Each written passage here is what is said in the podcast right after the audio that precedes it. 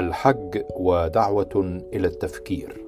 من يؤدي مناسك الحج هذه الأيام يشعر بالمشقة ويعود سبب كثير من المشقة إلى العدد الكبير ممن يؤدون فريضة الحج من كل دول العالم تقريبا. وقد بذلت السلطات السعودية جهودا كبيرة لتسهيل أداء المناسك وتوسيع الحرمين النبوي والمكي وجهودها في ذلك مشكورة ومقدرة. ولا شك أن ضيق المكان يحول دون فتح السلطات السعودية المجال لتلبية رغبة الراغبين في أداء شعيرة الحج جميعا.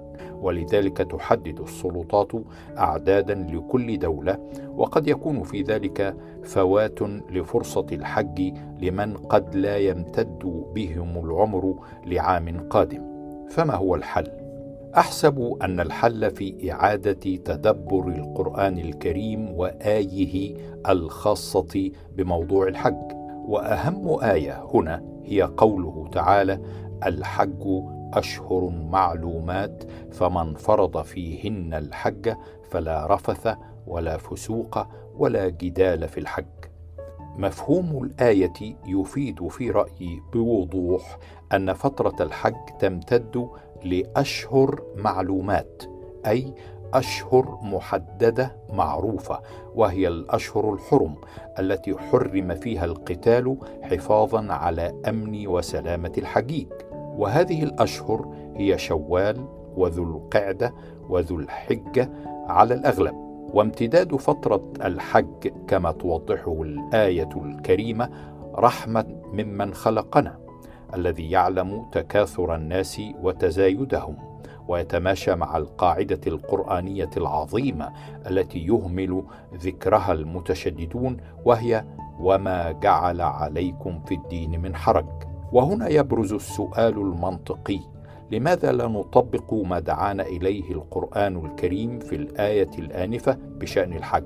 لقد أخرت طرح هذه المسألة إلى أن أنتهي من شعائر الحج حتى لا أتهم بالجدل أو إثارته وهو ممنوع خلال الحج.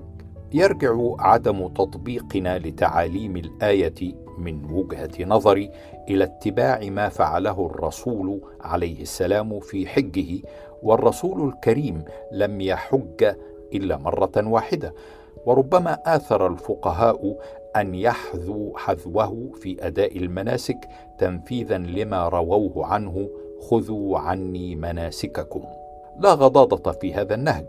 لكن الإصرار عليه وحده بالرغم من وضوح عبارة القرآن الكريم الذي ما جاء محمد عليه السلام إلا مبلغا به وبالرغم مما أفضى إليه وما زال تزاحم ملايين المسلمين خلال الحج في شهر ذي الحجة وحده من وفيات وأمراض ومشاكل كثيرة يدل على تحول في حياتنا يدل على تحول في حياتنا وممارستنا الدينية أخشى من عواقبه. والتحول الذي أقصده وأرجو ألا تتسرعوا في الحكم على رأيي قبل التروي والتمعن فيما أقول هو إعلاء ما يسمى بسنة الرسول فوق تعاليم القرآن الكريم. ومثال ذلك لا يقتصر على الحج فقط بل يتعداه إلى أمور أخرى لن أطيل في ذكرها هنا بل أضيف مسألة أخرى هي الوضوء. فما نفعله فيه الآن فيه مخالفة لما ورد في القرآن الكريم وحتى يمرر الفقهاء ذلك قسموا الوضوء إلى أركان وسنن وأرجو أن تتأملوا خطابنا الإسلامي المعاصر لتجدوا مصداق ما أقول فيه. فأكثر الحديث فيه عن السنة والأحاديث ومروياتها وأسانيدها ودرجات صحتها أو اتصالها أو انقطاعها بالرسول وتكاد تغيب وسط ذلك كله تعاليم القرآن الكريم. ولاحظوا مثلا كم مرة تعلو حناجر المسلمين بالصلاة على النبي في خطبنا ولا تبين أصواتهم إذا ذكر اسم الله سبحانه وتعالى بالتسبيح له جل وعلا وبالتعظيم والإجلال. آمل أن يكون في كلامي هذا دعوة للتفكير بشأن خطابنا الديني وتوجهاته التي أرجو ألا تحيد بنا عن القرآن الكريم وعن الجادة.